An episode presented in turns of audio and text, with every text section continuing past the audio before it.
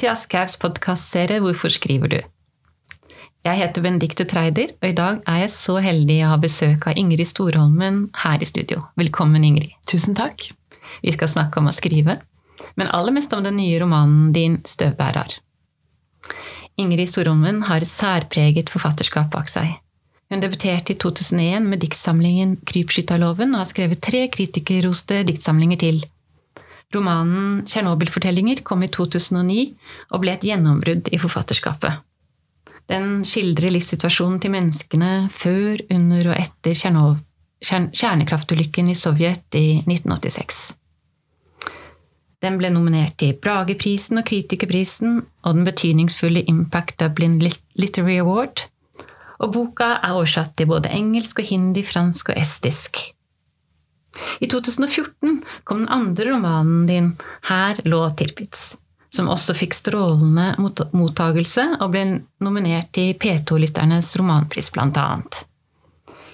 Og denne boka her hører vi et utvalg av soldatene som var om bord i det tyske slagskipet Tirpitz under krigen, og nordmennene som iakttar skipet når det legger til land i Fettenfjorden, like der du selv har vokst opp, Ingrid. Nå kommer den åttende boka di, den tredje romanen din, 'Støvbærer'. Hvorfor skriver du? For meg sjøl så må jeg vel si at det handler om eh, å komme i kontakt med sjølve litterariteten.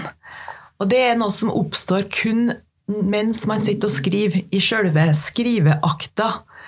Det er ting jeg ikke kunne ha tenkt fram hvis jeg bare skal sitte og tenkt, eller diktert til noen. Men det oppstår i sjølve skrivesituasjonen, og det er en sånn særegen form for tenkning som, som kun oppstår da. Og som er det første jeg savner i perioder når jeg ikke skriver. Ellers så har det jo liksom blitt identiteten min etter hvert også. Det, det er det eneste jeg kan. Eller jeg kunne sikkert ha blitt akademiker, men ellers er det jo skrivinga som er det, det, jeg gjør. da. Og jeg har også liksom hatt store ambisjoner for skrivinga. Maskulint høye ambisjoner, som jeg pleier å si. Men eh, det, det er jo også artig å lage noe som ikke fins i verden fra før. At man har en sånn stor, stor tekstblokk, og skal man begynne å hakke seg gjennom og prøve å finne verket inni den. Um, og så er det jo selvsagt aller, aller, aller mest arbeid. Sikkert over 90% arbeid. Men det er også det er 10 med ren skriveglede, da. Um, men uh, jeg tenker nok at hvis en skal si det litt sånn pretensiøst, så er det uh, Jeg skriver fordi at det er det jeg er her for å gjøre. Det er, litteraturen er min plass i verden. Jeg har, hørt deg selv, si tidligere også noe om dette med ha denne blokken og liksom tenkt på dette marmorstykket, store blokken, som er helt, som du, som er helt uslepen, som ikke er bearbeidet i det hele tatt til å starte med. Og du har faktisk en litt sånn spesiell måte å, å jobbe ferdig tekstene dine på, for de er ofte veldig store, og så driver du som en slags eh, billedhogger, eller en hogger, og hogger deg frem til det som skal stå igjen. Stemmer det? Ja. Det er sånn jeg ser på det, for jeg har en veldig stor overskuddsproduksjon. Jeg starter med en sånn svær tekstmasse, og så får man først da brukt legge, og så litt meisel, og så til slutt sandpapir. Og det er, en uhensiktsmessig måte å jobbe på, det tar altfor lang tid, men eh, det blir jo da eh, en kanskje litt annen skulptur enn om man bare skal skrive boka helt sånn eh, etter et plottbasert eller liksom narrativt grep, da. Det har blitt veldig mange svært vakre og særegne utgivelser som du har gitt ut. Men jeg tenker også for samfunnet sin del. Altså det at man skriver jo ikke bare for seg sjøl eller for leseren, men det trengs jo kunstnere i et samfunn. Det trengs noen som driver og hugger og bruker sandpapir på det norske språket.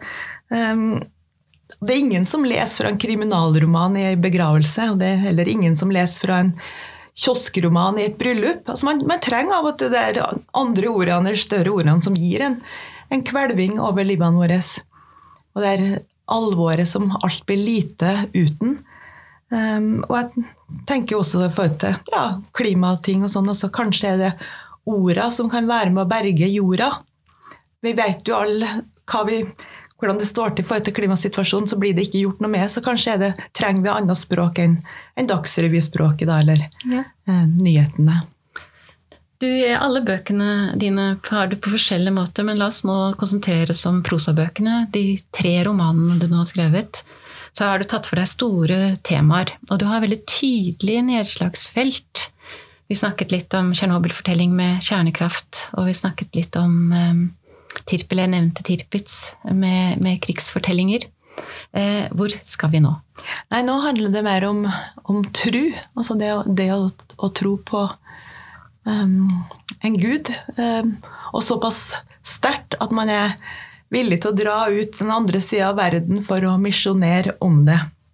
Uh, det har alltid vært viktig for meg å ta tak i sånne store, uh, store tema. Jeg vil skrive ut mer fra min egen virkelighet eller, altså, eller egen samtid. Og, og har liksom, ja, det med både barndom og skam og slekt og kjærlighet og krig og tro. Det har liksom vært viktig for meg at det er litt om stort anlagte temaene. Men ofte kan man jo tenke at det er temaene som velger meg, like mye som jeg som velger dem. Men det, det er i hvert fall eh, fint å kunne ha et sånn litt stort lerret, da. Hovedpersonen Ingeborg kalles, kaller du Santalmisjonens siste misjonær. Kan du fortelle litt om Santalmisjonen?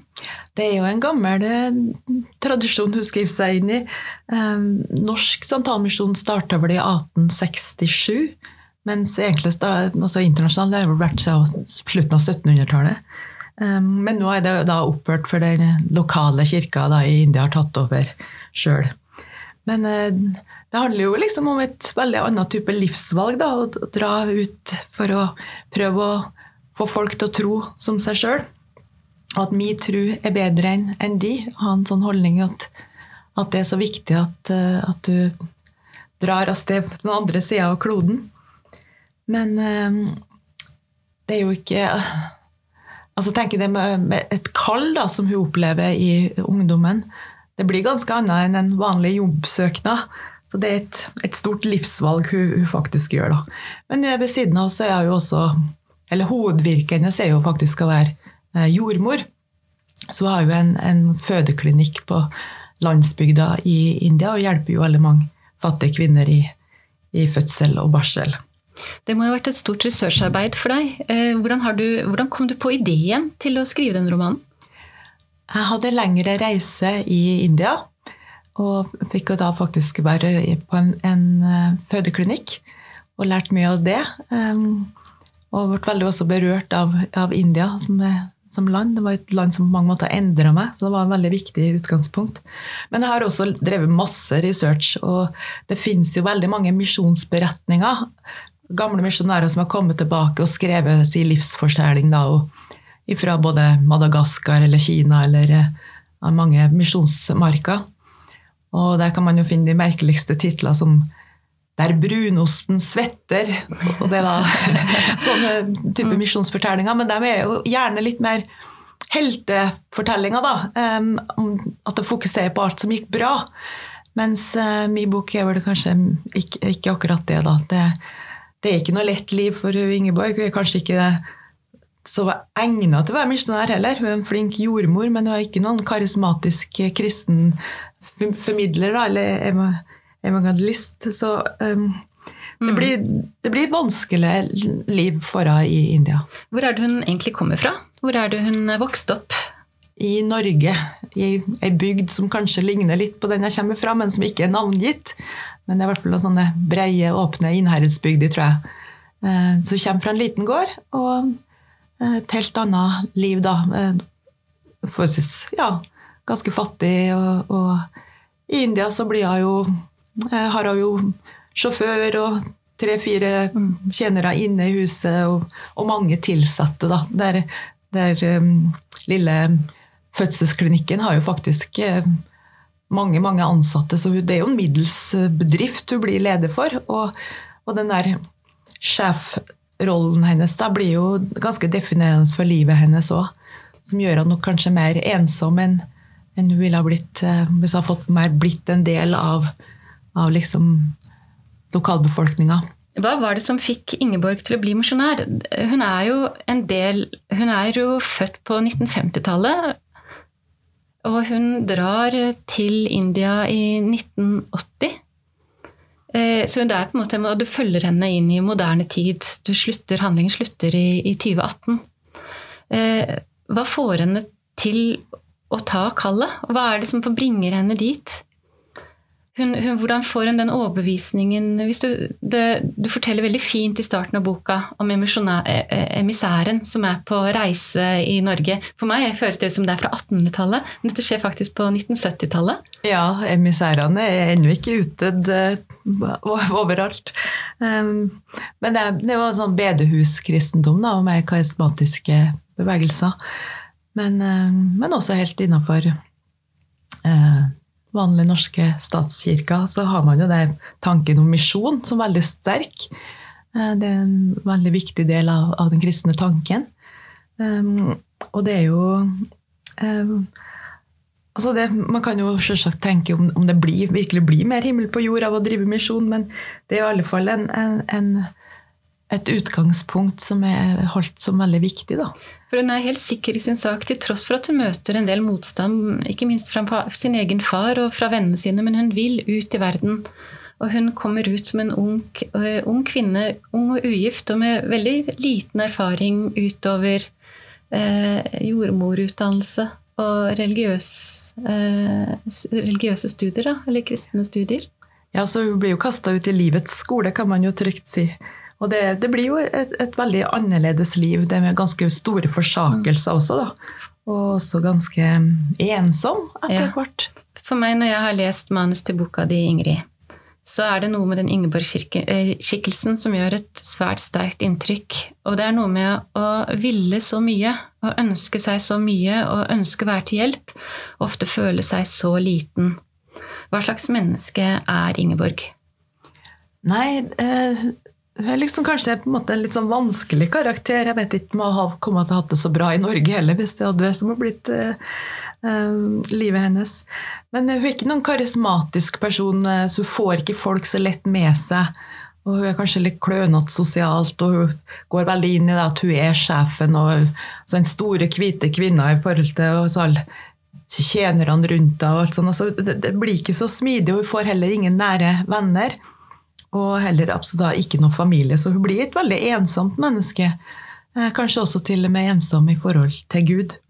På en måte gjør hun jo svært mye godt. Altså hun, hun, driver denne klinikken og hjelper fødende kvinner, hjelper mange mennesker. Og hun, uh, hun virker som jordmor og sykepleier. Uh, og allikevel vil du si at hun er et godt menneske, og kanskje på en annen måte føler hun seg som et godt menneske? Nei, og det er jo ikke sånn at selv man gjør gode, gode gjerninger, så er man ikke nødvendigvis god sjøl. Men samtidig, det det er jo helt åpenbart hvor å hjelpe folk. Da, og det med diakoni og, og, og, bistand er jo en veldig viktig del av, av livet hennes også. så at eh, det er jo ikke noe bortkasta å, å, bruke hele sitt eh, voksne liv på å drive en fødselsklinikk for de aller fattigste urbefolkninga i India. Det er litt sånn hjelpeløst over henne. Det, som, det, virker som hun har store forsakelser i livet sitt. Det er som om hun ikke altså hun, hun, går vel med en del lengsler eh, etter noe som aldri kommer hennes vei. Hun har jo veldig mange barn, alle de som fødes på klinikken, men ikke sitt eget. da. Eh, selv om hun en, en periode er fostermor for et, eh, et barn, som kanskje er de fineste årene i livet hennes, når hun får vært tett på eh, en, unge.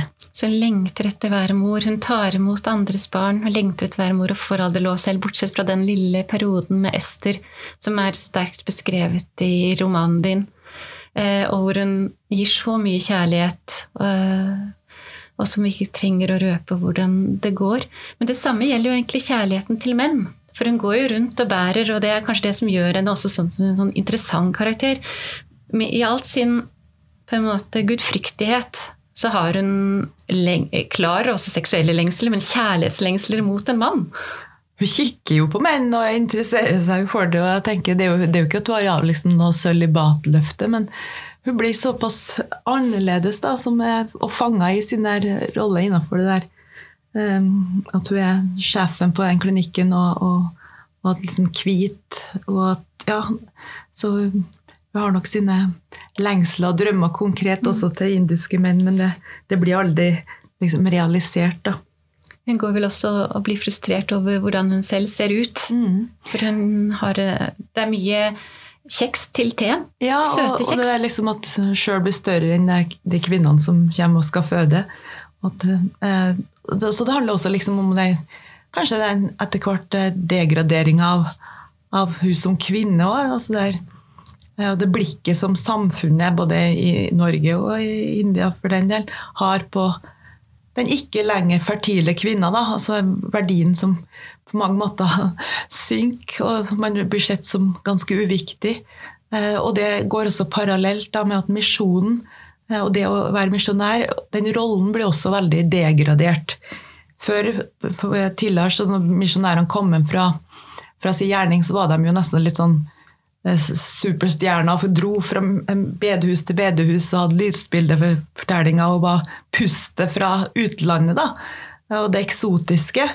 Eh, Nå er jo alle på eh, ute og reiser, eh, og også at det har sneket seg jo inn en mye større tanke om at misjon ikke nødvendigvis er bare positivt. da, altså at det nesten kan kalles eh, Noen vil jo tenke på det som en sånn mild form for rasisme. Da, at en tror at sin egen gud er bedre enn den andre sine. og at det er ikke lenger stuereint. Og det er også kanskje knytta litt mot liksom, kolonialisme, da.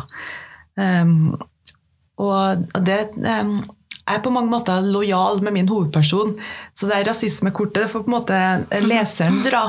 Men eh, jeg, så jeg lar ikke liksom Ingeborg sjøl målbærer noe tvil i forhold til at misjonering er bra, men det, det, stilles jo åpenbart spørsmål rundt det, da. Eh, Det, det må jeg jo si. Og kanskje også at det er en sånn, nærmest en mild form for radikaliseringsprosess.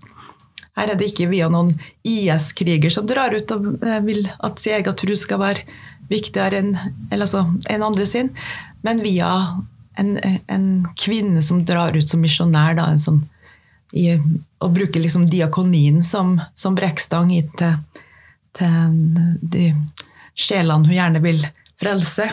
Romanen din er jo bygget opp eh, med fem års avbrekk. på en måte Vi møter henne først 1980, så 1985, og så helt frem til nesten i dag. Um, og vi ser jo også underveis der at det skjer mye med på hjemreisen til Norge annet, hvordan hun blir tatt imot. Det er ganske sårt. og opplever, Hun opplever det sårt, hvordan hun blir tatt imot mot slutten. Hvor, hvor på en måte er hun ikke en del av det moderne samfunnet lenger, for hun har levd så helt utenfor, og ingen respekterer det hun har holdt på med. Nei. Så det forsterker også hennes på en måte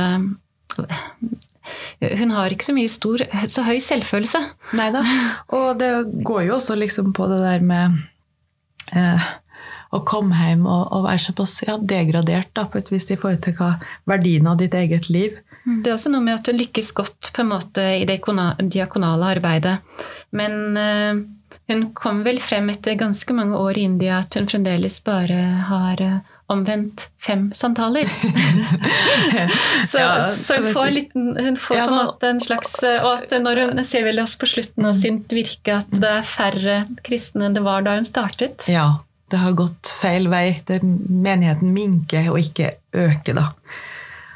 Og det å komme hjem til Norge også tror jeg kanskje nesten kan sammenlignes litt med det å være en krigsveteran. Altså, hun kommer jo fra de godes krig, hun har vært, absolutt hatt de gode intensjonene, men så har jobba et helt liv for det her, men blir ikke anerkjent når du kommer hjem. da. Så det er jo liksom en sånn følelse der òg. Du snakket så vidt om radikalisering, for hun har jo også en periode her eh, i denne romanen, altså etter mange år i India, hvor hun får en mer radikalisert tro. Eh, Eller på en måte går det over i en kanskje mindre eh, statskirkelig versjon, eller hva kan vi kalle det? Ja, jeg hennes har en, i hvert fall en sånn utvikling der mot veldig bønnerelatert. Og de med sånn moderne former for bønn, med man ligger på gulvet og, og ber sammen. Og, altså det, hun har en periode der, der hun liksom eh, i, Kanskje litt i desperasjon da, går liksom i en litt mer ytterliggående eh, måte å, å, å tro på, i- sett med liksom vanlige statskirkeøyne. Um, men um, Og, og likeens det å bli omvendt. Da, altså ha en sånn klar frelsesøyeblikk. Og en, et kall som nærmest er også en form for visjon. Det er jo liksom litt, litt fremmed for, for, mange, naturligvis. Vi startet med å nevne at uh, i alle bøkene dine, og uh, kanskje særlig i romanene dine, så tar du opp store temaer. Um, og jeg husker når Tsjernobyl-fortellingen kom, så skrev Dagbladet bl.a.: Neste gang noen begynner å klage over mangelen på politisk litteratur her til lands, vil jeg foreslå å rulle Tsjernobyl-fortellinger sammen hardt og slå dem høflig i hodet med den. Eh, så du skriver på en måte om skam og slekt, kjernekraft, krig og tro. Og også i denne romanen så går du videre, for du, det blir på en måte Vil du si noe om støvbærermotivet, altså tittelen din? Ja, det handler jo om at eh, santalfolket som eh, Ingeborg er misjonær for, blir grovt utnytta i steinindustrien i India. Eh, det er steinknuseri og um, gruvevirksomhet som er veldig, veldig eh, skadelig for dem som jobber der, helt uten Det er ikke noen som går rundt med munnbind der, kan man si. Og det er veldig eh, Du får Lungene dine blir ødelagt etter bare noen år i den steinindustrien som er veldig mye støv, og, og det er veldig hardt. og man må um, det, bruker mennesker og ikke rull, rullebånd for å frakte steinene. Liksom. De bærer stein på hodet med kurver med 30 kg og går 50 meter, og så uh, tømmer du ut igjen, og så igjen og igjen og igjen. Så denne steinindustrien uh, og utnyttinga av, av, uh, av santalfolket, det, det, blir en viktig del av det også for hovedpersonen min. Men altså vi, vi, har jo de steinene her i Norge. altså Torget i Stavanger er bygd opp av indisk granitt fra de her gruvene. Eh, hvis du drar på en sånn hagesenter, så kan man få kjøpt eh, hellat som du kan legge i hagen din. og det, det kan man nesten høre om steinen kviskrer litt og sukker for det harde arbeidet som, som dem som bar den, eh, opplevde. Det er eh, sjelden i samtidslitteraturen at jeg ser en bok som så helhjertet eh, omhandler tro. Og går inn i det religiøse uten ironi. På en måte på, med med lojalitet til den karakteren og den, eh, til lojalitet til Ingeborg, som er misjonær, eh, springer interessen eller troen ut av ditt eget liv? Jeg skulle på mange måter ønska at jeg var litt mer kristen enn jeg sjøl egentlig klarer å være. mm. Mange kan man si at jeg, jeg, tror ikke nok til å direkte være kristen, men jeg tror heller tror altfor mye til at en er ateist, i alle fall. Og, og, jeg interesserer meg jo veldig for um, teologisk tenkning, og jeg vil også kanskje gjenreise det begrepet med altså være kulturkristen. At det ikke er noe, altså, noe, Jeg tenker at det er ganske bra at man går i kirka på julekvelden og man døper ungene sine, altså at er, eh, eller at det er kirkekonsert. Altså at det er noe bra med det, faktisk å være en sånn kulturkristen også. Da. Men, eh, men, jeg er absolutt interessert i, i teologi og teologiske tanker. Og jeg må jo si at jeg syns eh, teologien slår filosofien ned i støvlene. For det er jo så store tankerom som kan åpnes. Men i tillegg så har da liksom eh, eh, teologien også en, en, mulighet til å endre liv, da. Mm. Og har liksom en, nærmest en sånn performativ kraft um, i, på, på livene til folk. Så akkurat det syns jeg jo er veldig spennende og mm. interessant å strekke tanken opp mot en sånn vegg. da. Det er interessant, og du gjør det på en veldig konkret måte her ved å ta så helhjertet utgangspunkt i din karakter Ingeborg. Jeg må bare si, Ingrid, for vi er nødt til å avslutte, at uh, vi gleder oss til boka kommer. Jeg gleder meg veldig, og veldig spent. Um, og for alle de som har lyst til å lese boka, så er dette en gratis og koronafri tur til India som gjør stort inntrykk. Gratulerer med nesten bok. Den kommer hvert øyeblikk. Tusen takk.